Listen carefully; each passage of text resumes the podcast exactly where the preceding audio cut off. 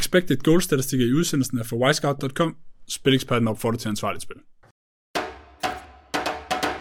Rasmus overtager værtsrollen for en stund. Han er nerve over, jeg skal tage over næste uge. Sindssygt, det er en mand, der ikke vil give slip på sin udsendelse. Ja, jeg, jeg kan godt mærke, at jeg har brug for, Du får på pausen. ja, jeg har brug for pausen.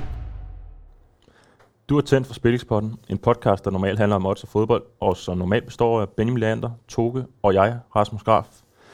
Det kommer du ikke til at være som normalt, øh, fordi ved mig med min side sidder hverken Toge eller Benjamin. Der sidder dig, Jens Gullemann.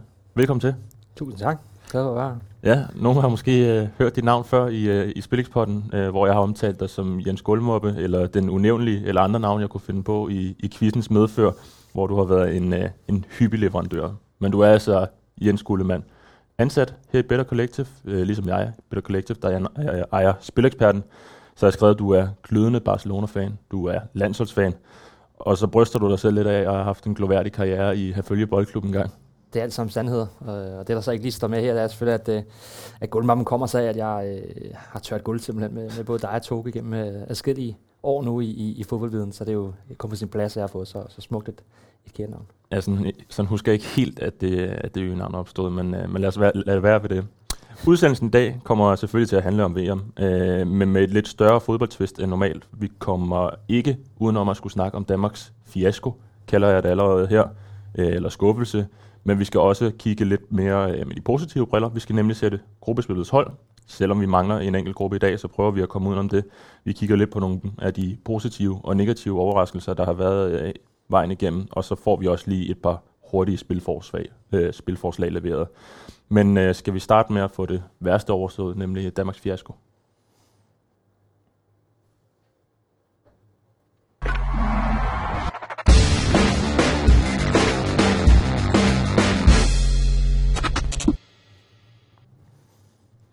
Danmark er ude af VM, Jens. Det var, det var hårdt at sidde og se. Hvad jeg sige. Øh, nu kaldte jeg det en fiasko før. Det tror jeg ikke er at overdrive. Øh, jeg er ikke gammel nok til selv at have oplevet alle danske slutrunder. Øh, men Jonas Schwartz skrev på Twitter efter kampen, så fik vi den Danmarks største slutrunde fiasko nogensinde. Nu kan man jo både se og, og vide, at du er væsentligt ældre end mig, Jens, øh, så du må kunne huske det. Er det også den fornemmelse, du sidder med efter, efter sådan en omgang? Jeg er jo en gammel tusse her, Ja. øh, det kan jeg ikke løbe fra. Jeg kan huske øh, ret mange slutrunder gennem tiden, og det er, øh, jeg kan godt skrive under på, at det er også den øh, følelse, jeg sidder med. Øh, jeg kan godt huske tilbage i år 2000, øh, en EM-slutrunde, da vi tabte alle øh, tre kampe med en, med en målscore på 8-0 mod øh, Frankrig, der så endte med at vinde turneringen, Holland og, og Tjekkiet, der var stadigvæk en gylden generation, anført af Pavel Nedved. Og der var man, øh, man var skuffet selvfølgelig, men det var også en sindssygt svær gruppe. Øhm, og så kom det så lidt eller nu faktisk nogle ligheder i forhold til, at, at det kom ovenpå en, en VM-slutrunde to år tidligere i Frankrig, hvor vi havde haft stor succes. Selvfølgelig havde vi Lauter på et tidspunkt, og, og begge brødrene, som var stoppet. Øh, men der, der var alligevel en optimisme omkring øh, det, man havde præsteret til VM2 forinden. Man var klar over, at man var gået halvt ind, og det var måske også en fejl, man var gået halvt ind i et generationsskifte, hvor mange af de var den gamle garde i, i 98 stadig var blevet. Øh, og de nye ikke rigtig var kommet ind på holdet igen, så man, man blev sådan lidt fanget lidt i, i det der mellemspil. Øh, og så, ja, fik man så rigtig tørt på, da man sådan lige kom til, til en slutrunde. Men man levede lidt med det dengang. Øh, jeg kan huske, man var skuffet, øh, men man levede lidt med det, fordi det var så svær en gruppe. Men, men derfra begyndte man så ligesom at lave det her reelle generationsskifte, som der egentlig havde, været, havde brug for måske lidt før. Ja, du siger det her med generationsskifte som en af grundene. Øh, det har jo ikke været tilfældet den her gang, kan, kan vi ligesom sige. Og det har heller ikke været en svær gruppe, der har gjort, at vi gik videre. Øh, gik videre. Francis Dico og Flemming Poulsen, de var virkelig ude med riven øh, lige efter kampen. Fortjent nok.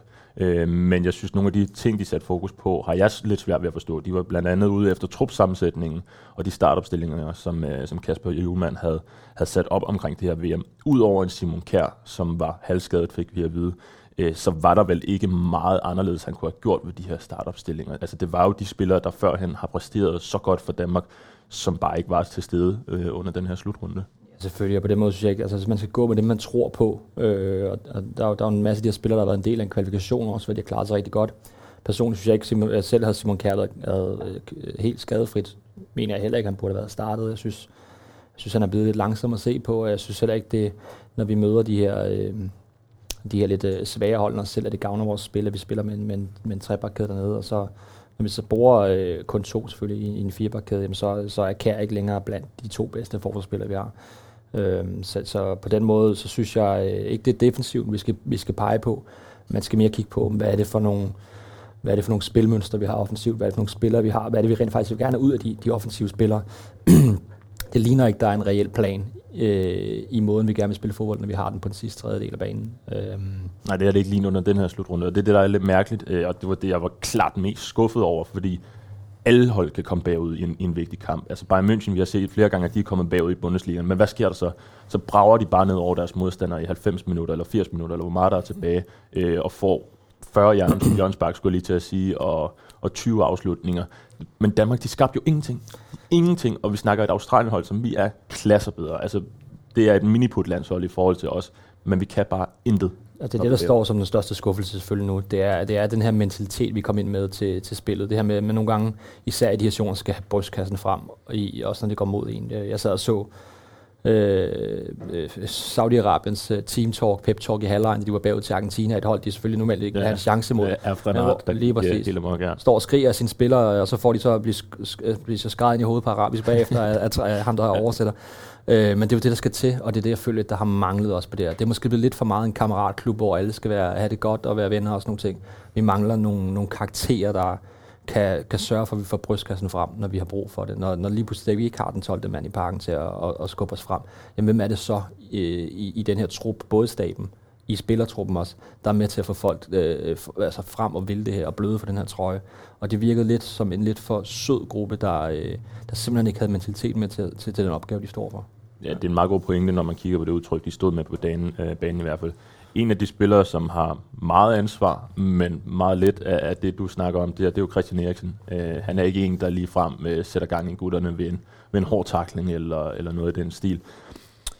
Han er uden tvivl en af de bedste landsholdsspillere, jeg har set øh, for Danmark. Eller han er den bedste, fordi jeg har desværre ikke oplevet Michael Laudrup live. Øh, så Christian Eriksen må stå tilbage som, øh, som den bedste landsholdsspiller, jeg har set kæmpe beundrer af ham. Jeg synes, han er en fantastisk fodboldspiller. Men når man så ham i første kamp mod Tunesien, hvordan han blev kyst ud af banen, øh, og efterfølgende egentlig også mod Frankrig, hvor han var usynlig, burde Julemand have taget konsekvensen og så sagt, okay, han, han skaber ingen værdi over de her to kampe her. Hvorfor skulle han gøre det i tredje kamp mod Tunesien? Øh, og så lade ham starte ude simpelthen. Jeg ved godt, det er, det er kontroversielt, øh, men han er han var jo ingenting værd over den her slutrunde. Altså, hvis Julemand havde valgt at gøre det, øh, så havde han samtidig også skubbet, øh, som jeg ser det i hvert fald, så han skubbet ansvar og sagt, at det er Eriksen, der gør noget forkert. Som jeg ser det, er det Julemand, der simpelthen ikke har været god nok til at finde ud af, hvad det er for en rolle, Eriksen har skulle have haft. Eriksen var meget mere afgørende, dengang vi havde Oka Harreide, fordi han var længere op på banen, skabte langt flere chancer, og, og var meget, meget mere dominerende i mellemrumspillet, hvor at, øh, under Julemand synes jeg, han har en tand længere tilbage, ender med at slå øh, nogle, han slår selvfølgelig nogle fantastiske afleveringer, men ender med at være ham, der står og slår afleveringerne og vender spillet ud til, til fløjene, men han er ikke så meget op på den sidste tredjedel og med til at, at, at lægge de her afsluttende øh, øh afleveringer i angrebene. Øhm, så jeg synes, i stedet for at kigge på at flytte ham ud af, af, af banen, så synes jeg, hvordan får vi Eriksen med i spil på den sidste tredjedel, og det er der fejlen øh, for mig sætter ligge, fordi vi har spillere, som Pierre Emil, som Mathias Jensen, der også er en, en, en, en teknisk fodboldspiller med, med et godt pasningsspil, der sagtens kan ligge dernede og, og, og, og, øh, og føre bolden frem. Så hvordan får vi Eriksen længere frem på banen og får brugt hans kvaliteter i det spil? Altså det, det synes jeg, at Julemand skulle have, have fokuseret på langt tidligere. Ja, og hvad, hvad, hvad hvis vi tager fat i nogle af de andre offensive spillere, som ikke er lykkedes? Fordi det var også der, hvor det så tyndest ud. Altså en Andreas Skov Olsen, som jo kom ind til slutrunden som et af vores største håb, øh, havde brændt ligaen af i Belgien nærmest, og for landsholdet havde han også været fantastisk. Han kunne jo ikke tæmme en sofa under den her slutrunde her. Nej, det var lidt det samme også til EM, ikke? Altså han spillede den første kamp mod Finland, som jeg husker det, ikke? Og så derfra så man ikke meget til ham øh, gennem slutrunden heller ikke, da det gik godt sporadisk ind og, og have nogle præstationer i, i nogle af kampene, men han virker for mig til, at der er en eller anden mental brist, på den, når det kommer op på den allerhøjeste scene. Øh, og jeg frygter lidt, at han bliver sådan en, at øh, når det er i den belgiske liga, jamen, så, så går, går det rigtig godt. Men når man kommer op på et større, en større scene, som er, hvor det er lidt sværere, jamen, så kan han måske falde lidt igennem. Øh, fordi det hele ikke er så trygt, og, og folk omkring, om, altså holdene omkring os ved, ved det mere. Øh, jeg, jeg frygter lidt, at han bliver den spiller. Han har stadig et kæmpe potentiale, men, men to slutrunder nu, hvor man, man har været sovsynlig, det er alligevel, øh, det er alligevel lidt skræmmende. Ja, så på den anden side, der har vi jo blandt andet en, en Damsgaard, som blev vores helt store held under EM, som virkelig kunne shine på den store scene der, så vi øh, men som kom ind i dårligere forfatning til, til den her slutrunde, og heller ikke helt kunne få sat sit præg. Jeg stod tilbage med følelsen af, når vi har kandspillere, øh, som er så dygtige teknisk, når de er så gode til at udfordre osv., men som ikke helt er på toppen. hvorfor skal vi så bruge øh, vores offensive energi på det? Fordi det er jo lidt som et tophold, der stiller med sådan to typer kanter der. Der skal være meget på bolden, der skal komme meget i mellemrum osv., øh, i stedet for at spille med for eksempel Robert Skov fra start, eller Andreas Cornelius på toppen, så det gør det noget mere primitivt, men det gør også, at, at vi nemmere kan skabe nogle ting, uden at skulle, skulle banke os igennem et Tunesien-forsvar, der står 10 mand øh, omkring eget felt på, på den måde. Det, det var lidt som om, at, at Danmark ikke ville slippe den der lyst til at spille pæn fodbold, øh, og så bare spille helt god gammeldags, skulle jeg til at sige, øh, fodbold med, med indlæg til, til en stor mand derinde, så vi ligesom bare et eller andet revage kunne få skabt. I hvert fald en eller anden form for, for fast koncept at sige, at det er det her, vi gør. Altså øh, reelt set gør noget, noget nyt i alle de tre kampe, der er. Kan man sige. Vi kommer ind med en, med en ny startende angriber på toppen. Han skifter rundt på kanterne også, så der, det, det vidner også lidt om, at han ligger måske og flager lidt efter at finde ud af, hvad, hvad er det for en løsning. Og det er jo et problem, altså man ligger i en slutrunde og ligger og prøver at, at, at finde ud af, hvad er reelt set min, min faste startup, ja. hvem er jeg tror på, øh, når vi skal have afgjort tingene. Øh, så det er jo et, et klart signal om, at, at det er der ikke offensivt, og det ser man selvfølgelig også i resultaterne. Vi har ikke det eneste højdepunkt i den her turnering. Vi scorer et enkelt mål på en forsvarsspiller, med en assist fra en forsvarsspiller. Øh, og derfra kan, jeg jo, kan man nærmest ikke huske en chance, en åben chance, en, hvor vi siger, oh, der, jo, Cornelius i første kamp, hvor han rammer, øh, rammer stolpen, ellers så er der ikke noget, vi skaber ikke noget offensivt øh, gennem tre kampe. Når vi når dertil, så er det ikke et tilfælde længere. Så er det fordi, der er simpelthen øh, vi, det ikke er sat ordentligt op, øh, sat godt nok op, kan man sige, både fra trænersabens øh, side i forhold til, øh, hvordan vi løser opgaven offensivt, øh, og så også med de spillere selvfølgelig, der, der ganske enkelt ikke præsterer. Ja, og nu skal vi ikke øh, bruge meget mere tid på, på det danske landshold, fordi vi ligger det bag os, men hvis vi lige skal sætte lidt ord på, hvad de skal forberede sig på, eller hvad fokus skal ligge på nu frem mod øh, EM-kvalifikationen, der starter ja, på den anden side af VM. Jo. Nu snakkede jeg jo lidt om, øh, om det her halve generationsskifte også. Øh, det kan måske være, at vi skal ud over nu, eller at, at julemænd og en stab skal ud over nu og sige, jamen, skal vi til at tage den sidste del af den gamle garde ud? Skal vi, have, skal vi simpelthen helt udholdet nu? Skal Smeichel stadig være målmand, eller skal vi prøve at bygge noget nyt op der? Øh, er der nogle af de helt helt unge, der har banket lidt på. Øh, øh, både midtbanespillere som, som julemand nede i, i Lecce og, øh, og hvad hedder han, øh, Højlund op foran. Øh, skal de her spillere til at ind nu at være en mere fast del af, af startelveren, mm. må sige, i hvert fald det, det hold, som skal spille os til hjem, øh, eller vil han køre videre med nogle af de lidt ældre her. Øh, så det bliver selvfølgelig opgaven for ham. Øh, så ligger der jo et enormt pres nu også øh, på julemand Peter Møller ude og sagt, at han er selvfølgelig er fredet, og det er klart, han er det. Øh, de har ikke gået og troet, at de skulle til at overveje en fyring på det her tidspunkt, så de har ikke nogen... Nej, de altid tænkt lang, præcis, ja, de vil altid tænke langsigtet, men altså, kynisk som Peter Møller er, jamen den backup-plan begynder de at bygge på nu. For hvis han ikke præsterer i den her, øh, i det her øh, EM-kvalifikation, hvis han ikke præsterer til et essentielt, øh, potentielt EM, jamen så, så, er det, så er det slut for Julemand selvfølgelig. Og den plan, den begynder de at arbejde på nu. Så jeg håber også, at Julemand mærker det pres lidt og siger, at der skal ske noget også? At man kan sige, heldigvis har vi nok den nemmeste kvalifikationspulje, vi nogensinde har haft øh, til den her EM-slutrunde, der ligger i 2024. Så den skal vi nok komme igennem, det er jeg næsten 100% sikker på. Øh, spørgsmålet er bare, om vi så får nok kampe mod hold, der reelt kan spille fodbold. Altså hold, vi reelt kan møde til slutrunder øh, op til den her slutrunde. Men det får vi at se. Øh, jeg synes, vi skal lukke snakken om, om Danmark her, og så tager vi lige et par hurtige spilforslag på den anden side af breakeren kræver, at man øh, lukker øjnene og trækker tarotkort. Spilforslagene kommer i en noget kortere udgave den her gang. Benjamin har øh, sendt sine fra sin sygeseng, og så øh, sætter jeg lige et par få ord på mine. Men vi starter med Benjamins. Han har taget Holland-USA, øh, den første 8. delsfinale, der kører lørdag den 3. december kl. 16.00. Under 2,5 mål til odds 1,64 ved Martin Bet, spilbar ned til 1,55 får ikke nogen øh, analyse på den. Vi får en lille kort ind på min, øh, og det er Frankrig-Polen, også en 8. dels finale selvfølgelig. Søndag den 4. december kl. 16.00. Kylian Mbappé scorer, odds 2.05 ved Bet365. Spilbar ned til 91. Vi kan lige starte, Jens. Hvad siger du til øh, Kylian Mbappé til at score? Har været fremragende ved den her slutrunde. Jamen, han har været god jo. Øh, det er øh, odds 2.05. Det, er, det, altså, det, det er nok ikke en, sådan, jeg vil jagte, kan man sige. Det kan man godt være ærlig at sige, men... Øh, men, øh, men jo, altså han er brandvarm, tre mål allerede. Øh, nu kommer vi i en afgørende fase.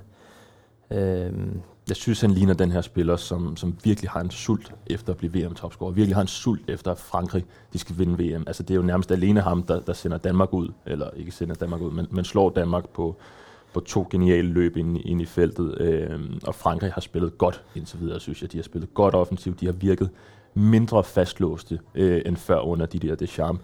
Og så møder de bare et Polenhold, som jeg ser som det billigste øh, wildcard til at gå videre for den her slutrunde. Altså, de var helt væk fra månen mod Argentina, og burde have tabt større. Helt sikkert, ja. Og Mbappé kan sikkert helt lugte den også nu, fordi at, at dem, han kan se, dem han er op imod, som, som rent faktisk også har scoret den her, det er, øh, det er en, en Valencia, som er ude af turneringen ja. nu. Det er en, en Morata, som øh, ikke er helt fast mand på det spanske landshold. Ja, det samme med Rashford, som heller Rashford også, ja, som er bænket, og så er der Gakpo selvfølgelig, som, som jeg ikke ser som en reel målscorer. Jeg, jeg tror, øh, vi får maks et enkelt mål fra ham mere, hvis overhovedet øh, flere mål øh, fra, fra hans side. Måske tager jeg fejl, men, men øh, lige nu ligner Kylian Mbappé er selvfølgelig den klare favorit til at tage den øh, topscore. Og så også Polen mod Saudi-Arabien, hvor de vinder 2-0. Polen var jo klart det dårligste hold inden Saudi-Arabien havde flere gode muligheder for at, at få puttet den ind. Øh, men en stod rigtig godt, det kommer vi måske ind på, øh, på senere. Og så er Mbappé også bare den spiller, der har flest afslutninger nu, flest berøringer i feltet, og næst flest expected goals, øh, kun overgået af Lionel Messi, som jo har haft et brændt straffespark, der tæller lidt op for ham. Så han har været farlig indtil videre, og 205 på et hold, der giver odds 1,28, det synes jeg er ganske udmærket betalt. Så det tager vi hos Bet365, spil bare ned til 91. Øh, og så rykker vi videre til gruppespillets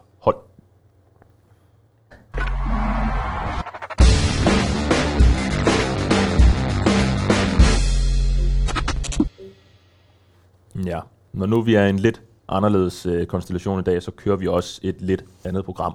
Så i stedet for Match of the Week, så øh, har vi kørt vores to trends ind. Vi snakkede Danmark lige før, og nu skal vi prøve en lidt sjov øvelse. Måske en lidt lang, vi får se. øh, men gruppespilshold, vi skal have de bedste præstationer, vi skal have nogle af de fedeste detaljer, og så sætter vi simpelthen et hold ud for det. Vi kan også komme forbi nogle af de største skuffelser øh, undervejs. Jeg har ikke lagt mig fast på en opstilling endnu. Øh, det kan vi få hen ad vejen. Vi må se, om der overhovedet er plads til at spille med baks i, i vores opstilling. Jeg kunne forestille mig, at vi godt vil spille offensivt begge to. Øh, men lad os bare starte fra en ende af. Vi starter med målmanden. Ja, men du nævnte ham lige før, øh, Stechny fra, fra Polen, en gamle Arsenal-legende. Øh, to straffespark. Det er ikke så tit, man ser det fra en målmand i, i et gruppespil. Øh, to clean sheet også selvfølgelig. Øh, og så... Øh, langt hen ad vejen er han også øh, manden, der er skyldig, at de ikke taber endnu større mod øh, Argentina, øh, der spillede helt forrygende faktisk, offensiv fodbold, som kom ud med alt det, vi så, vi, vi følte, vi manglede i, fra Danmark, der også havde ryg mod muren på samme måde, som de havde, nemlig at man ville frem og score for alt i verden. Øh, og Stesny var bare, han var suveræn der, med, med så mange redninger og straffespark, så jeg, jeg kan ikke se nogen målmænd, der har, har leveret på, på det niveau, han har. Nej, jeg kan heller ikke komme i tanke om nogen. Altså, du nævner selv de her to redder straffespark, men også den keeper med flest refleksredninger. Altså redninger, hvor de ligesom skal lave en reaktion, og ikke bare kan, kan lave et udfald øh, med det samme. Øh, og så øh, flest prevented goals, selvfølgelig kvad de her to redder straffespark, og flest redninger til den her slutrunde. Så virkelig en, en magtfaktor for, øh, for det her polske hold under slutrunden. Og her vil jeg så nævne mine to største skuffelser. Øh, de kommer fra samme hold. Øh, jeg tror ikke, du kan navnet på dem. Jeg ved ikke, om man kan kalde dem skuffelser heller, men jeg, for jeg har ikke rigtig nogen forventninger til dem. Men Michal, uh, Basham og Sad al -Shib. Kan du gætte, hvor de er fra, de to? Øh, skal jeg lige få dem igen? Hvad sagde du? Michal Basham og Sad al -Shib. Det er altså to keeper, der har spillet for samme landshold under den her slutrunde her. Oh, ja. det, det lyder meget øh, iransk eller, eller det, noget. Er, det er Katar. Katar, øh, ah, selvfølgelig. Saad al-Shib, der stod den første kamp mod Ecuador, hvor er han jeg tror ikke, han vidste, hvad han lavede på banen nærmest. øh, og så tog Michal Basham over de efterfølgende to kampe, og han var også helt væk. Øh, David Nielsen sagde efterfølgende i studiet, at, at manden kan jo ikke tage med hænder. Øh, det er også David Nielsen, der sidder der, men, men det virkede meget reelt. Det, det var helt sindssygt, så, så dårligt de to keeper var, som de havde med der. Det, det virkede voldsomt, at man ikke kunne have fundet noget bedre op til, mm. op til den her slutrunde her. Så to af de, øh, ja, vi kan kalde dem skuffelser, vi kan bare kalde dem sjove momenter. Ja, men reelt skuffelse, hvis vi skal ærlige, du ved. Vi kan alle sammen sige Michael selvfølgelig. Han er, ja. Man er jo ikke den værste på, på det danske hold, men, øh, men Tyskland står nu også over for et generationsskifte i forhold på målmandsposten i hvert fald. Jeg tror, at Nøjer så skidt ud, især i den første kamp mod Japan, men også ad turneringen, synes jeg ikke, at det har været den samme klasse og sikre skanse nede fra Tyskland. Der er en stor Øh, redning i, i går dog mod øh, Costa Rica, hvor han lige får reddet Rüdiger. Uden tvivl, ja, men, men, øh, men sådan den samlede følelse gennem, altså gennem de her tre kampe, så, så, så tænker jeg, at det måske vil være tid til han. Jeg tror ikke, han står flere slutrunder. Hvor gammel er til stikken?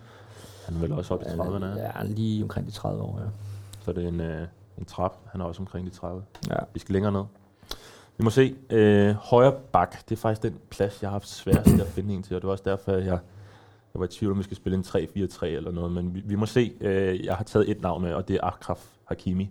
Øh, mest fordi, at han er gået videre helt overraskende som, øh, som etter i deres gruppe, altså Marokko over Belgien og Kroatien, er jo en kæmpe profil for det øh, marokkanske landshold, og har også leveret en enkelt assist med en fantastisk dybdebold til El Nesri øh, mod Canada i, øh, i forgårs.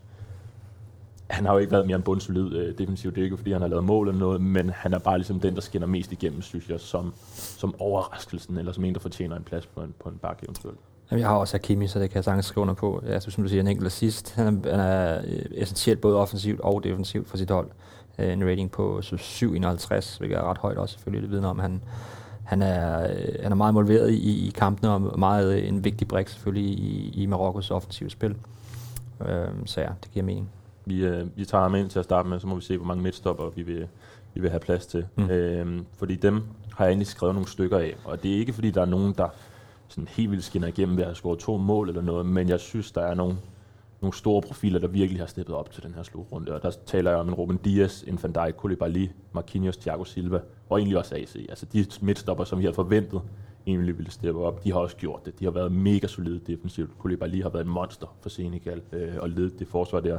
Marquinhos og Thiago Silva, et af de fedeste forsvarsmakkerpar, jeg overhovedet kan komme i tanke om, øh, har også gjort det fantastisk for Brasilien.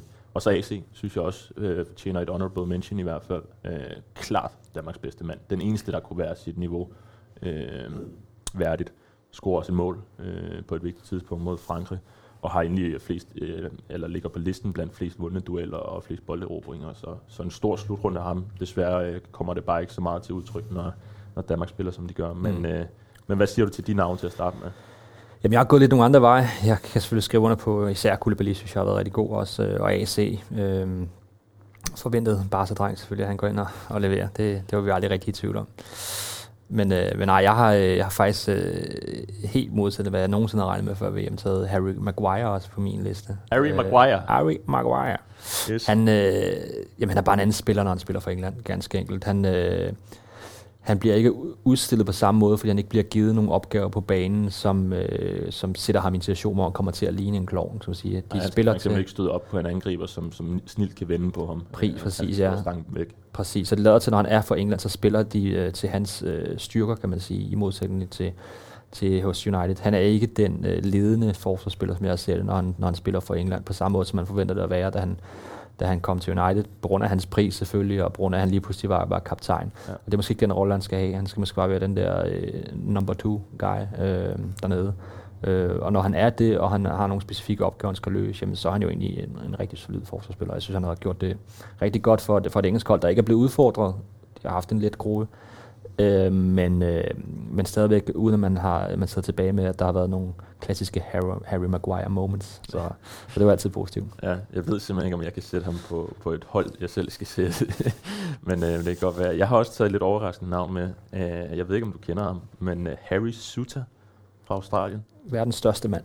Verdens største mand. Øh, har gjort det helt vanvittigt godt, synes jeg faktisk. Øh, var, var virkelig god mod Danmark. Øh, var virkelig god mod Tunesien. Specielt mod Danmark så han, så han fra duellerne, vandt stort set alle dueller. Øh, lukkede jo corner ind, da han kom ind. Øh, lukkede ham ned, lukkede Dolberg ned, da han kom ind. Og, og fra start af også blev Braithwaite. Øh, og mod Tunesien gjorde han det samme, da Australien vandt, øh, vandt 1-0. Øh, bundsolid, synes jeg bare, han har været øh, virkelig stærk. Uden tvivl, uden tvivl. Øh, han, er, han, er, han er sådan en, hvor man tænker, at han spiller måske også lidt over evne i forhold til, at det generelt bare med Australien han spiller lidt over evne i forhold til, til deres reelle niveau. Øh, men men han, det, han har leveret selvfølgelig i den her øh, slutrunde indtil videre, har været, øh, har været suverænt og konstant et, et fokuspunkt for de modstandere, de møder, netop er rundt af hans, hans størrelse og hans styrke, tror jeg. Øh, helt sikkert også derfor, at, at Cornelius ikke blev relevant, og heller ikke startede inden for Danmark. Øh, der er simpelthen ikke nogen grund til det. Øh, at, at han er en mand, der formentlig ikke vil have en chance, eller fordi han er så stor og stærk fysisk. Så ja. spiller i Stoke lige nu, bliver øh, måske solgt efter slutrunden. Har du flere navne til mesterdommen, eller skal vi ud og vælge to nu? Jamen, jeg har faktisk øh, en mere. Det er nok ikke ham, du vil vælge, men det er nok også mere en honorable mention, men uh, Roman Saiz fra, fra Marokko ja. også. Øh, Øhm, ja, jeg synes, man, man nødt til at have, jeg føler, jeg bliver nødt til at have nævne mere end en uh, Marokko-spiller i defensiven, fordi de har simpelthen været uh, øh, så gode i forhold til den gruppe, de er i. Jeg havde Marokko som, som mit, som jeg mente var det afrikanske hold, der ville nå længst til turneringen, før turneringen startede. Øh, men at de vil være øh, øh så, øh, så samtømmer, som det er, både defensivt og offensivt, er jeg er meget overrasket over. Han, øh, øh, ja, han har selvfølgelig et, øh, et mål allerede, øh, og ja, en, en rating på 7,22. Det er måske ikke blandt de allerhøjeste, men jeg synes bare, som, som, som en, den ledende figur i det her unit nede bag til hos Marokko, synes jeg, han skal, skal nævnes. Okay, hvis vi skal vælge en hver, så tager jeg, øh, så må du vælge en anden, men jeg tager Harry Suter, mest fordi, at det, der skal ske lidt på holdet, og jeg synes så heller ikke, det bare skal være de, de store navne, der skal, der skal have friplads her. Så tror jeg faktisk, jeg tager en for din liste og tager Koulibaly med os. Så Harry Suter og øh, Koulibaly. Muligvis øh, den største og stærkeste center du i... Øh. Der bliver altså lukket af i luftdueller, ja. det, er, øh, det er helt sikkert. En venstre bak øh, skal vi måske finde. Det skal vi vel. Jeg startede med at skrive Jordi Alba. Øh, det blev du nok glad for, tænkte jeg. To sidst øh, ganske udmærket var med til at slå Costa Rica øh, med 7-0.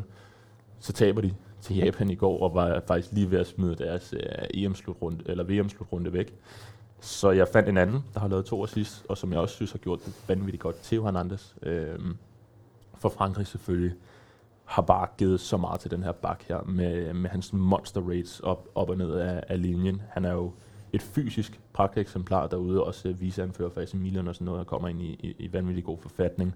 Øh, men både defensivt og offensivt synes jeg bare, at han er så stærk en bak. Øh, minder lidt om Alfonso Davis på mange måder. Jamen, jeg er enig. Jeg er så imponeret af, af, af Theo Fernandes, der, Fernandes, der kom ind og øh, Øh, lidt, lidt trist omstændighed selvfølgelig med hans bror, der, der bliver skadet, men, men fra det øjeblik, han kom på banen, har han været øh, en konstant, konstant trussel for det franske hold offensivt og været rigtig god. Jeg har stadig Alba over ham. Jeg synes, Alba har været øh, den her gamle racer, du ved, som man kendte ham fra, fra Barca-siden, der øh, altid leverer, altid er farlig og altid er, så vigtig en brik i, i det spanske offensivspil, men også hvad han har været for, øh, for Barcelona. Og han startede jo faktisk ind i går i, i kampen mod, øh, mod Japan, som de så tabte. Det var så Balde, den anden barca som, som fik en start der, som også har, har været rigtig, rigtig god i, i, i den her sæson. Øhm, men det lader bare til, at den erfaring, også, som, som Alba har, kan blive en nødvendighed for, for det spanske hold, hvis de skal langt turneringen. Så du er mere til Alba? Jeg hælder mere til Alba. Jeg synes, han har, været, jeg synes, han har levet lige til bedre. Så tager vi Alba ind, og så øh, regner jeg stærkt med, at det er Theo Hernandez, der får, øh, får øh, hele slutrundens øh, venstre bakplads. Central midt, øh, jeg har skrevet en, en 4-3-3 op. Øh, det synes jeg er sjovest. Øh, men, øh, men lad os se indtil videre. Jeg har skrevet det første navn som øh, Casemiro. Jeg ved godt, det gør ondt inde i dit Barcelona-hjerte. Nej, det er... Så rykke videre. Ja. Men hvor er han en dygtig øh, defensiv midtbanespiller, må man bare sige, giver så meget ro til Brasilien. Øh, forsvaret behøver jo nærmest ikke at lave noget. Det er virkelig sjældent, de slipper igennem den midtbane, når han, øh, når han står derinde og, og blokerer det hele. Og så laver han jo også et klassemål mod Schweiz, må vi bare sige. Øh, meget mærkelig skudteknik, øh, har jeg lyst til at sige, men den bliver banket langt op i hjørnet, og det fungerede. Øh, og det var et virkelig afgørende mål.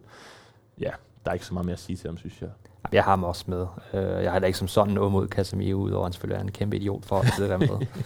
Nej, jeg, uh, selvfølgelig har han har været rigtig god. 2,5 interceptions per kamp, uh, øh, 7,89 i, i player rating. Virkelig, virkelig højt niveau, han har lagt. Han er bare den her solide sten, der ligger og uh, uh, gør, at Brasilien offensivt også kan, kan have så meget frihed, som de kan, fordi han ligger simpelthen og bryder så mange angreb, når, uh, når modstanderen så kommer den anden vej. Uh, han, han bliver den essentielle brik for, for et Brasilien, hvis de skal vinde VM, fordi at han er hele øh, den her øh, balancespiller, der gør, at det kan, kan lade sig gøre rent for, offensivt for dem. Nej. Vil du tage det næste navn på, på midtbanen? Jeg har taget øh, Frenkie de Jong som den næste øh, på midtbanen. En spiller, der både har lavet, havde lavet øh, mål og assist, men jeg tror også, uden at vide det helt, at han måske en af de spillere, der er allermest på bolden i den her slutrunde. Han er, han er simpelthen med i alt, hvad der sker øh, øh, på banen i, øh, hos, hos Holland. Øhm, ja, det, det er simpelthen bare, når man sidder og ser Hollands kamp, han, han er dominerende i, i, i, i helt nede fra eget felt, hvor han nærmest modtager bolden, så han er oppe og med til også at, at afslutte det. Og, ja, 7,75 i, i, i spillerrating. Øh, vidner selvfølgelig også med en mand, der, der har gjort det rigtig, rigtig godt. Jeg ved ikke, det, det er svært sådan lige at altså, selvfølgelig lavet mål og sidst at komme med de her højdepunkter, hvor siger, at det er her, at Frank Jong har banket sig ind på den her, det her hold. Men hvis man kigger på en, der bare er bundsolid og som kan, kan ligge og, og være en del af, af, af spillet, så, så synes jeg, Frank Jong er, er klart den, den bedste spiller. Jeg havde også skrevet om til at starte med, øh, men blev så lidt igen, da jeg så, så den her øh, Holland, øh, sidste Holland-kamp mod øh, Katar, øh, hvor at de spiller en ringe kamp. Altså, de, de, de skaber ikke nok chancer mod et Katar-hold, der er så dårligt, som vi ved, de er. Øhm, og det er måske også lidt Louis van Raals skyld, at, at sådan en spiller som Frankie ikke kommer nok frem til, til de øh, positioner. Han skal lidt ligesom Christian Eriksen øh, for, for Danmark øh, fordi han har de kvaliteter, han har. Øh, det, er, det er netop også det, du ved, jeg tror lidt på samme måde som, som Julen, der ser Eriksen, han vil gerne rigtig meget på bolden. Nu siger også, at det er en fordel, han er rigtig meget på bolden, fordi han er rigtig, rigtig god. Men det gør også bare måske, at øh, han er på bold i nogle situationer, hvor man ikke skal have den lidt som Eriksen. Ikke? Så ja. jeg, jeg giver dig ret i, at det kunne være, være bedre at, at, bruge ham der, hvor han kan være allermest farlig. Nu kan jeg ikke se, i forhold til det sport med, med Frankie, hvem der har været mest på bolden. Jeg kan ikke se, hvem der ligesom har flest berøringer med bolden, men jeg kan se, øh, dem, hvem der har flest pasninger ikke navn, jeg selv har skrevet op, øh, og spiller heller ikke på den øh, defensive eller central midt under den her slutrunde her. Men Rodri fra Spanien, ja. har 444 pasninger under den her slutrunde. Jeg skal så også her. Øh, høre med til historien, at Rodri han, øh, har spillet central. Ja, han har spillet med stopper, ikke? Ja. Øh, lidt ja. atypisk og blevet den opspillende. Men 444, den næste på listen, det er altså øh, Rodrigo Di Paul for, øh, for Argentina med 288. Ja. Der er sat med langt øh, op til øh, Rodri. Rodri. Mm. Jeg har ikke selv skrevet ham på, og skal, kunne måske også have været nede i midterforsvaret, hvis det var. En spiller, jeg har skrevet på, det er endnu en fransk en, Adrian Rabiot. Øh, kom ind til slutrunden i fremragende form fra, fra Juventus. Ligger som den her felt-til-felt midtbanespiller, øh, hvor han bare har licens hver gang til at løbe, øh, lave de sene løb i feltet og gøre det fantastisk. Scoret og lavede sidst mod Australien, var virkelig tæt på at score mod Danmark også. Havde et saksespark og havde et, øh, et stærkt hovedstød, som, øh, som Schmeichel må redde og han giver bare sådan en anden dimension til det franske landshold. Øh, lidt, lidt ligesom man havde forventet, at Paul Pogba skulle kunne gøre med hans øh, størrelse og, og fysik. Der har Rabiot ligesom kunne, kunne vise, at han kan finde ud af at time sin løb ind i boksen. Han kan finde ud af at gøre det farligt og, og ligesom give dem et, et ekstra brik i, øh, i spillet og, og gøre brug af. Helt enig, ja. Jeg havde også Rabiot på, i mit hold, øh, men det var øh, Frenkie de Jong eller Rabiot, jeg lå og, og og veksle lidt imellem, fordi der er en midtbanespiller selvfølgelig, jeg, øh, man ikke kan komme udenom i den her turnering, øh, og det er Bruno Fernandes. Øh, to mål, to assist, 1,5 øh, key passes per kamp. Øh, indtil nu den bedste rating til, til VM af, af alle spillere, selvfølgelig også fordi han har haft så, så stor øh, involvering i, i mål og, og assist stjæler jo, 20 stjæler jo et mål for Cristiano Ronaldo, så der får han nok lidt på rating derfra.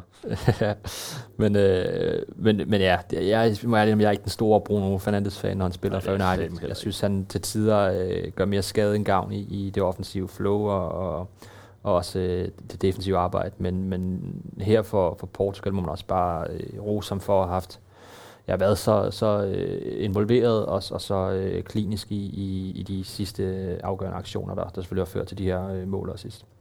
Ja, rent øh, sympati for ham har, har jeg ikke lige frem, øh, men jeg kan godt jeg kan godt anerkende, at han har haft en god slutrunde øh, indtil videre med, med, med to mål og, og assist. Øh, så har jeg skrevet nogle andre navne på. Jeg har skrevet Jude Bellingham.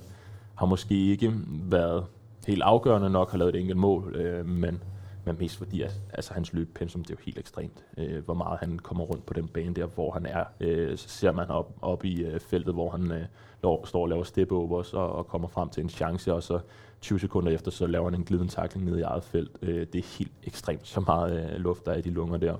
Og så har han jo bare, altså, så han jo bare et fodboldtalent uden lige. Øh, hurtige vendinger, virkelig godt overblik, en god fod. Øh, og de her snævre driblinger, han også kan lave, og så en fighter. Øh, det, det er bare en fantastisk kombination for, for en midtbanespiller. Øh, lidt en blanding af, af, hvad skal man sige, en, en Christian Eriksen og så en Pierre Emil Højbjerg. Hvis du forbinder de der to øh, et sted på midten, så, så har du ham. Men igen, ikke helt øh, været afgørende nok til at, at få en plads her. Og det er det samme med Jamal Musiala, øh, som jeg virkelig gerne ville have givet en plads. Øh, mest fordi, at altså, han kan jo nærmest drible 10 mand alene. Han kan bare ikke finde ud af at afslutte, øh, eller øh, lægge den ordentligt ind.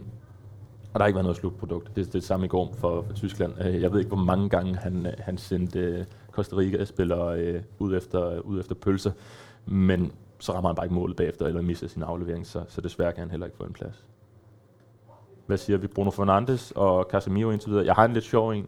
Øh, det, det er Frank Jong, der måske ligger lidt på vippen, hvis du har en, der kan overbevise mig om, at... Øh, han, Jeg, jeg, jeg ved ikke, om han kan over, overbevise dig ham her, men jeg synes, han er sjov, øh, fordi han har et par, par fede detaljer under den her slutrunde. Aisa Laiduini øh, for Tunesien har virkelig Uha. været en karakter at, at følge. Øh, for det første, så har han jo haft et helt ekstremt spændingsniveau. Altså, det ligner jo, at han har taget noget, der var forbudt øh, i den her kamp mod, øh, mod Danmark.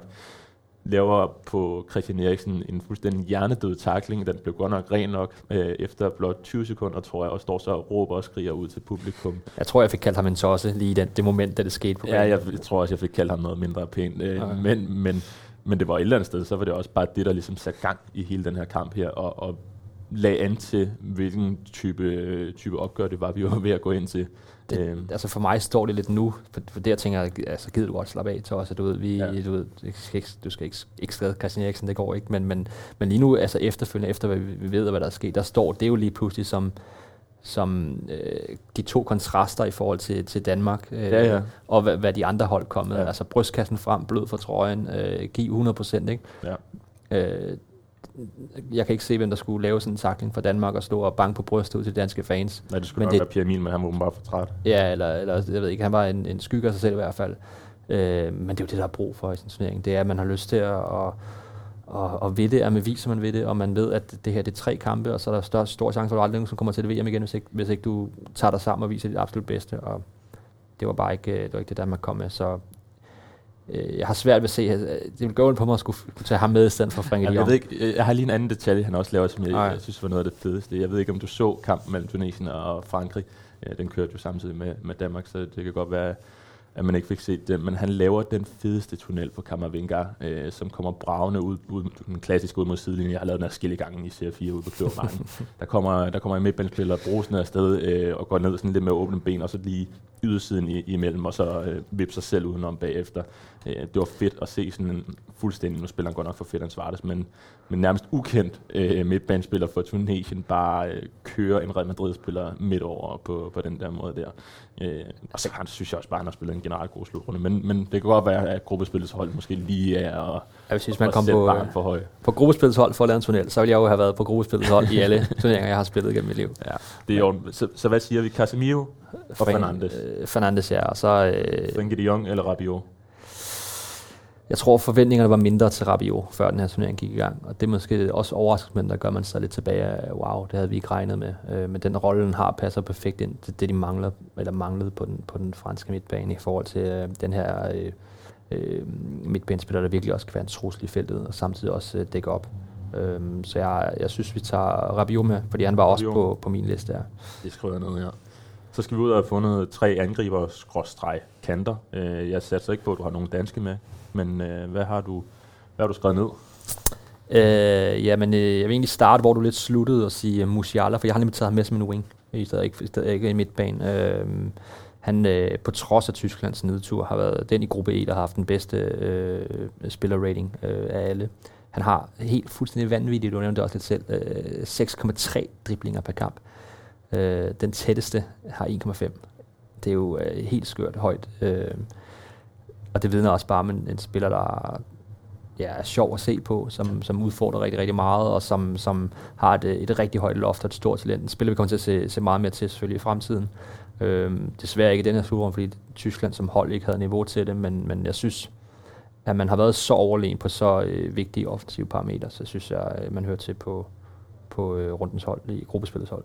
Ja, men for mig der mangler bare det sidste. Altså der mangler bare, at han skulle have scoret et mål, eller, mm. Eller han skulle have lavet et par assist. Øh, men, men jeg er helt enig, altså hold nu op en spiller og, og kigge på. Det, det, er jo, det minder lidt om, om Messis øh, tyngdepunkt. Altså da, helt tilbage, da, da han var i, i Barcelona i, i starten, med, med de her virkelig snævre driblinger, men, men vanvittigt hurtige antrit samtidig, øh, og så overblikket for, hvor er det folk sætter deres fødder, og så flytter den øh, det modsatte sted hen. Ikke? Øh, virkelig underholdende at se på. Lad os holde ham øh, som bobler indtil videre. Mm. Øh, jeg nævnte ham selv i starten af udsendelsen, øh, Kylian Mbappé. Synes jeg ikke, vi kan komme udenom. Øh, han har virkelig set stærk ud for, for Frankrig. Tre mål, øh, en enkelt assist, har bare Altså den, den Kylian Mbappé, vi så i Danmarks 2-0 sejr i Nations League over Frankrig, han er jo, han er jo den stik modsatte. Altså han var pivringe der. Øh, nu er han den gamle, eller den rigtige Kylian Mbappé igen, hvor at han forstår at lave sin løb ind i boksen, han forstår at lave noget for holdet, også når de ikke har bolden. Øh, og, og den her fart her, altså det, det kan godt være, at det ikke er den fedeste kvalitet, og den mest sexede kvalitet at have, men, men det er bare sindssygt, øh, så, så stor en indvirkning, der har. Ja, uden tvivl. Øh, jeg ved, altså det, det er svært. Øh, jeg er ikke en stor Mbappé-fan, når det kommer til sådan noget rent øh, personligt. Det, det må jeg ærligt indrømme. Øh, men selvfølgelig, når man, når man er så dominerende for, for det franske landshold, som han er, øh, så hører man selvfølgelig til på, på holdet med, med, med de involveringer, han har haft selvfølgelig. Øh, jeg kan lige godt springe over til Messi med det samme. Jeg ville have gemt ham til sidst, men nu tager vi ham. Øh, fordi altså manden, der har brændt et straffespark. Manden, der har brændt straffespark. Og noget andet. Det siger man jo, men det, han har jo faktisk de samme 2,7 driblinger per kamp, det samme som Mbappé i den her turnering. Han har øh, flere skud på mål per kamp, han har flere key passes, han har en bedre rating faktisk, spiller rating, og meget spillet går gennem ham. Øh, forventningerne er altid høje til Messi. Øh, og det har de også været den her øh, slutrunde. Altså klart, det tæller lidt ned, når man har brændt et straffespark, men øh, jeg har ikke set noget endnu, der ikke fortæller mig, at øh, Messi bliver turneringsspiller, hvis det, hvis det når langt. Selvfølgelig, det har han været god nok til. Jeg synes, han har været dominerende nok. Han har scoret to mål, og han har de her stats. Øh, hvis, hvis de to er direkte konkurrent om, om den forreste plads, øh, så bliver jeg nok nødt til at tage øh, Mbappé, øh, baseret på, at han har flere øh, målinvolveringer. Øh, men øh, men jeg vil ikke afskrive Messi for, at han ender med at stå som, som den bedste spiller i turneringen, hvis de, når vi er færdige med hele turneringen. Jeg vidste godt, du vil lære med. Jeg havde ham slet ikke i nærheden af min. Øh, men mest fordi, at Argentina de to første kampe ikke spillede godt. Altså, det var, det var ikke en god fodbold, øh, og Messi lykkedes heller ikke rigtig med sine ting, synes jeg. Der, så mod Polen, der, der må vi bare sige, der spiller de måske en af de bedste kampe, der er blevet spillet under den her slutrunde her, og er virkelig chancedominerende. Mm. Men, men det er lidt som om, at han skal sættes for meget op. Øh, og det er jo måske ikke hans skyld, men, men de prøver altid at finde ham. Altså når, når de kommer ned til et cutback nede i, øh, nede i feltet, ja, endelig kommer til baglinjen eller sådan noget, så det er altid Messi, de kigger efter. Også selvom han er dækket. Øh, og det gør bare, at han kommer til at se dum ud nogle gange, fordi at, at han ikke kan komme frem til den øh, afslutning, han måske skulle have været til, i stedet for at spille den til en Lautaro eller, eller en Angel Di Maria, som måske ligger inde i feltet og er helt fri. Øh, så det er ikke hans skyld, men, men, men nogle gange kommer det bare til at, at se sådan ud, at, ja. at det er hans skyld. Men jeg tror ikke, man spiller til ham bare fordi, at, at man er gode venner, eller fordi man vil være gøre Nej, jeg tror, glad. det er fordi, at man mener, at han er den, der, der sparker ind. Han sparker ind, ind. Ja. Øh, men, men når det bliver så overdrevet, som, som jeg synes, det var de første to kampe, mm. så, så gør det jo bare, at modstanderen konsekvent bare kun kigger mod Messi. Ikke? Og det skal de udnytte Argentina, og det, det at sige, jamen okay, de sender to mand der på Messi, det betyder der nok en fri i feltet. Og hvis, hvis de begynder at gøre det, hvis de begynder at udnytte, at Messi er en magnet for modstanderne, uden den ekstra plads, der kommer det, jamen så, så bliver de først rigtig farlige. Vi har stadig to pladser åbne. Messi, Musiala øh, er lagt op indtil videre. Jeg har skrevet øh, Richarlison. Øh, ikke fordi, nu har mangler vi også en brasiliansk kamp her, her i aften, ikke fordi, at han spillede nogen vanvittig øh, anden kamp, men første kamp, det var, øh, det var noget af det vildeste, jeg har set. Altså det her nummer to mål, han scorede. Han scorede to mål mod, uh, mod Serbien i første. Exceptionelt godt. Øh, teknisk helt vanvittigt veludført. Minder mig, eller ikke minder mig, men, men virkelig på samme hylde som, som Dennis Bergkamps mål mod Newcastle, hvor han tipper med den ene fod, og så løber den anden vej udenom, øh, udenom forsvarsspilleren og lægger den ind. Måske lidt heldig med, med sin tæmning, men det ligner for mig, at det er med vilje, at han, at han får den op i luften. Øh, og så Saxes bakker, det er jo, det er jo helt vidunderligt. Og der er jo lidt en anden boldgade. Jeg synes, uh, Dennis Bergkamp var med vilje, og det var meget elegant. Jeg synes, uh, jeg synes, du kunne lære lidt, fordi jeg ved, at du også har en dårlig første point. så altså, man kan score et mål, så flot mål, selv på en dårlig første point. Det, det synes jeg, du skal tage noter på. Um, men det var en dårlig første point, det var det. Men det var en fantastisk uh, kreativ og, og ekvilibristisk afslutning, der kommer efterfølgende. Og det er jo sådan en klassisk brasiliansk selvfølgelig, at, uh, at man kan det, men, øh, men første berøring, den sad sgu ikke øh, lige skabet. For mig der ligner det, at han chipper den op. Han vipper øh, simpelthen anklen. Jamen det kan da godt være, at, øh, at han er øh, fuldstændig vanvittig fodboldspiller, der kan sådan nogle ting. Det er jo lidt ligesom øh, Niklas Bentner, der, der ikke tæmmer den direkte ned på brystet, men tæmmer den op i luften, for at han kan lave et saksespark øh, ja, mod Portugal. Ikke? Det er der nogle få angriber, der kan. Øh. Jeg vil gerne lige komme et hot take på den ting igen. Øh, nu spiller han jo central angriber for Brasilien, hvilken rolle han ikke har været i nærheden af, øh, mens han har været i England som sådan. Der har det været en en, en, en tomands øh, angrebsstue op, eller også har han spillet på kanten. Øhm, hvis sådan er man rigtig smart, og han har scoret været nogle af 30 mål nu for Brasilien, ikke det, så, så er det ikke tilfælde længere. Så er man en, en dygtig øh, center forward derinde, som kan spille den rolle den alene. Øh, skilt sig af med Kane, mens han har værdi. Der er folk, der vil have ham nu. Kane er en spiller, der er rigtig, rigtig god, men som også sløver ofte et angreb, der gerne vil spille med, med fremadstormende kanter, fordi han går så meget ned i banen, og så ligger han ikke nødvendigvis ind i boksen, hvor han skal. Hvis Charleston kan udfylde den rolle og score de mål, det ser ud som, han kan i hvert fald på det brasilianske landshold, jamen så har man måske en mere dynamisk, en mere målscorende, det er jo svært at kalde ham en mere målscorende angriber end Kane, fordi han scorer mange mål, men en, der er dedikeret til den rolle. Ja, men måske egentlig finde, finde en måde, hvor man kan spille med både Richarlison og øh, Kane op foran, og så køre Kane som, som den her øh, nier, som falder ned i banen i stedet for, og så lade Richarlison blive inde i boksen. Øh, men problemet med, med Conte, nu skal vi ikke komme for langt ud af det sidespor, det er jo, at han sindssygt gerne vil have Son ved siden af, af, af Kane, fordi mm. at han er den her hurtige angriber, sådan har Conte altid spillet. Han har gerne have et stort skur, der kan vinde sine dueller osv., og så en, der løber ved siden af, ja. er, er også sindssygt hurtigt. Jeg tror bare, hvis man vil nå at have lidt, lidt penge ud af Kane også, England, ja, så er det ved at være, så det ja, måske være trods han kun er 27, jo. han har jo spillet i England i... Alder 27, man er, han er kun han ligner en på 30, men, ja, ja, men man skulle tro, han var 30, men han er kun 27. Det er også nu, pengene er allerstørst, så, så der synes jeg, den, den vil jeg gøre, hvis jeg var, øh, hvis jeg var Helt sikkert. Øh, Rashford og en af Valencia er nok mine to tyndeste bud øh, i sin angrebstrio øh, her. Begge to tre mål. Øh, Rashford med en kæmpe frisbaksperle mod Wales. Ikke den største frisbaksperle, vi har set øh, ved den her slutrunde. Det kan vi tale lige om lidt. Øh, men også en af Valencia, der har været en enmands her for, øh, for Ecuador. Men en af Valencia ud af VM nu. Marcus Rashford har kun startet en kamp, øh, kom ind i første og scorede, og så startede her den sidste kamp mod, øh, mod Wales, hvor han scorede på frispark, og så scorer han øh, lidt efter igen. De er tynde, synes jeg.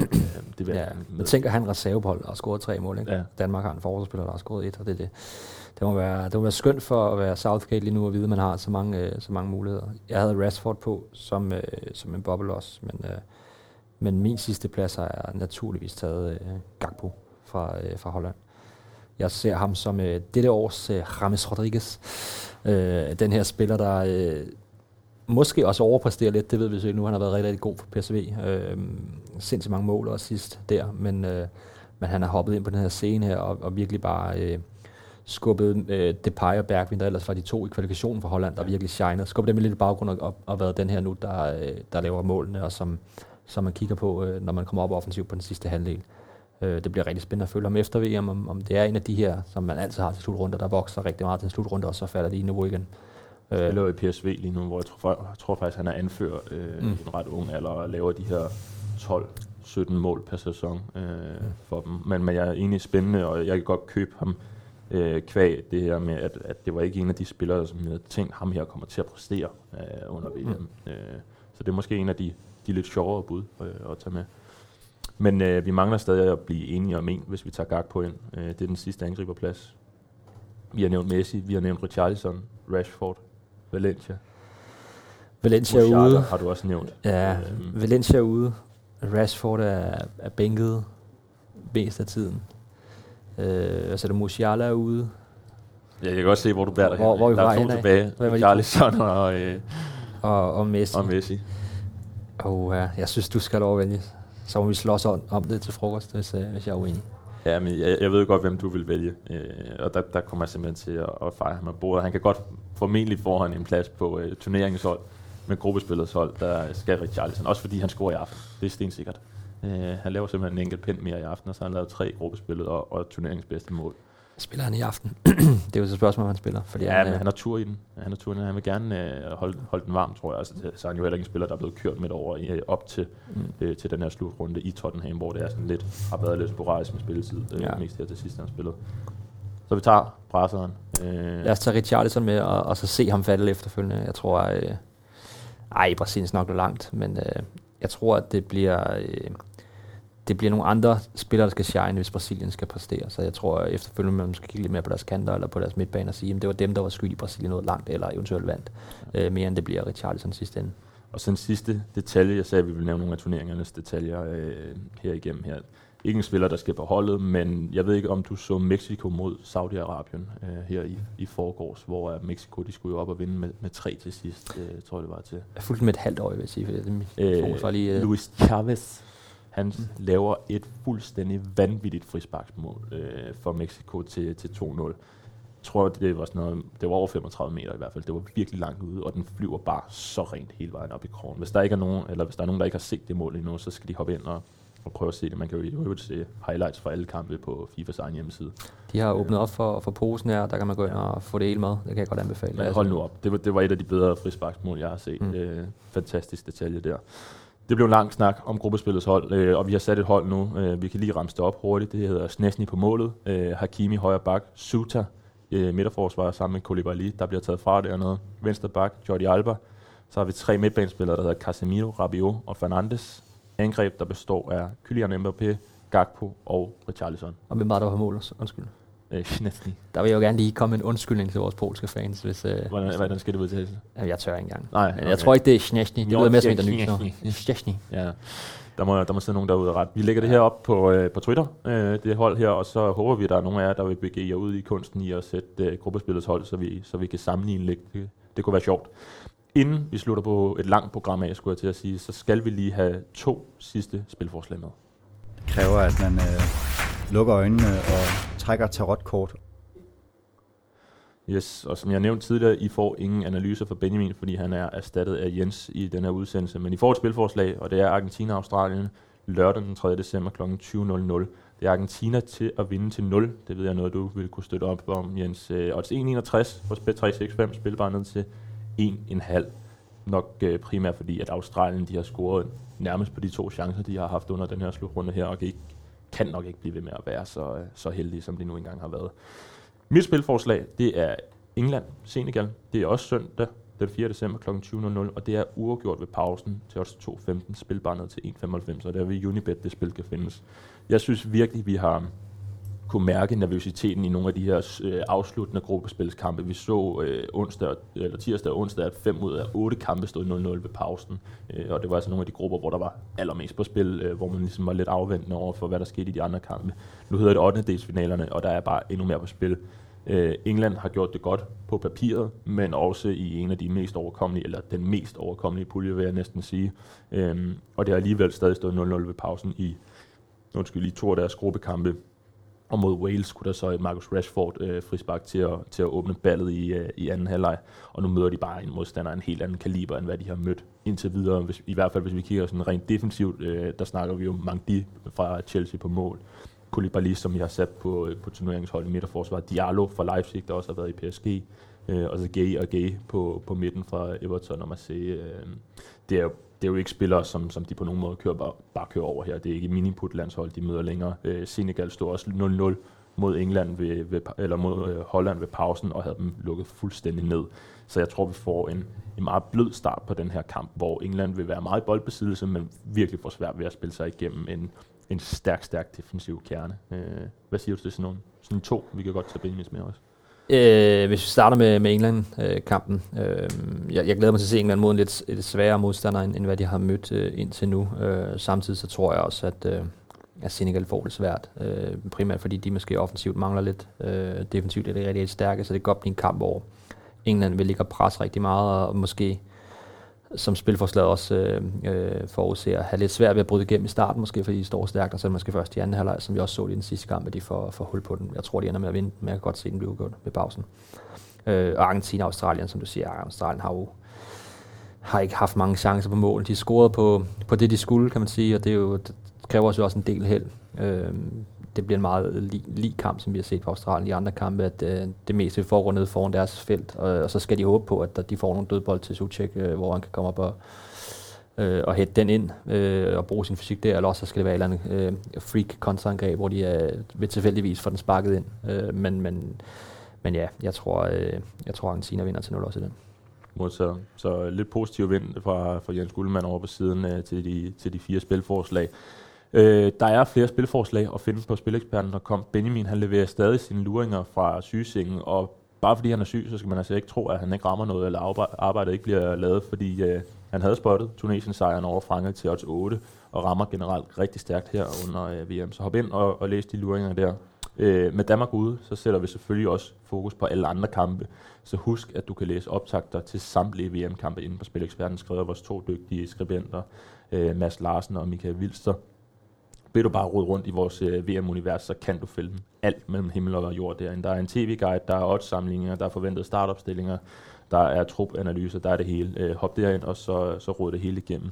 Jens, tak fordi du gad at være med. Det var en fornøjelse. Øh, et par gode inputs, bedre end du plejer at levere over en, øh, over en frokost. Øh, så må vi se, om du får, får genvalg, øh, genvalg næste gang, eller om vi har ham stridthåret tilbage i, i studiet. Vi lyttes ved.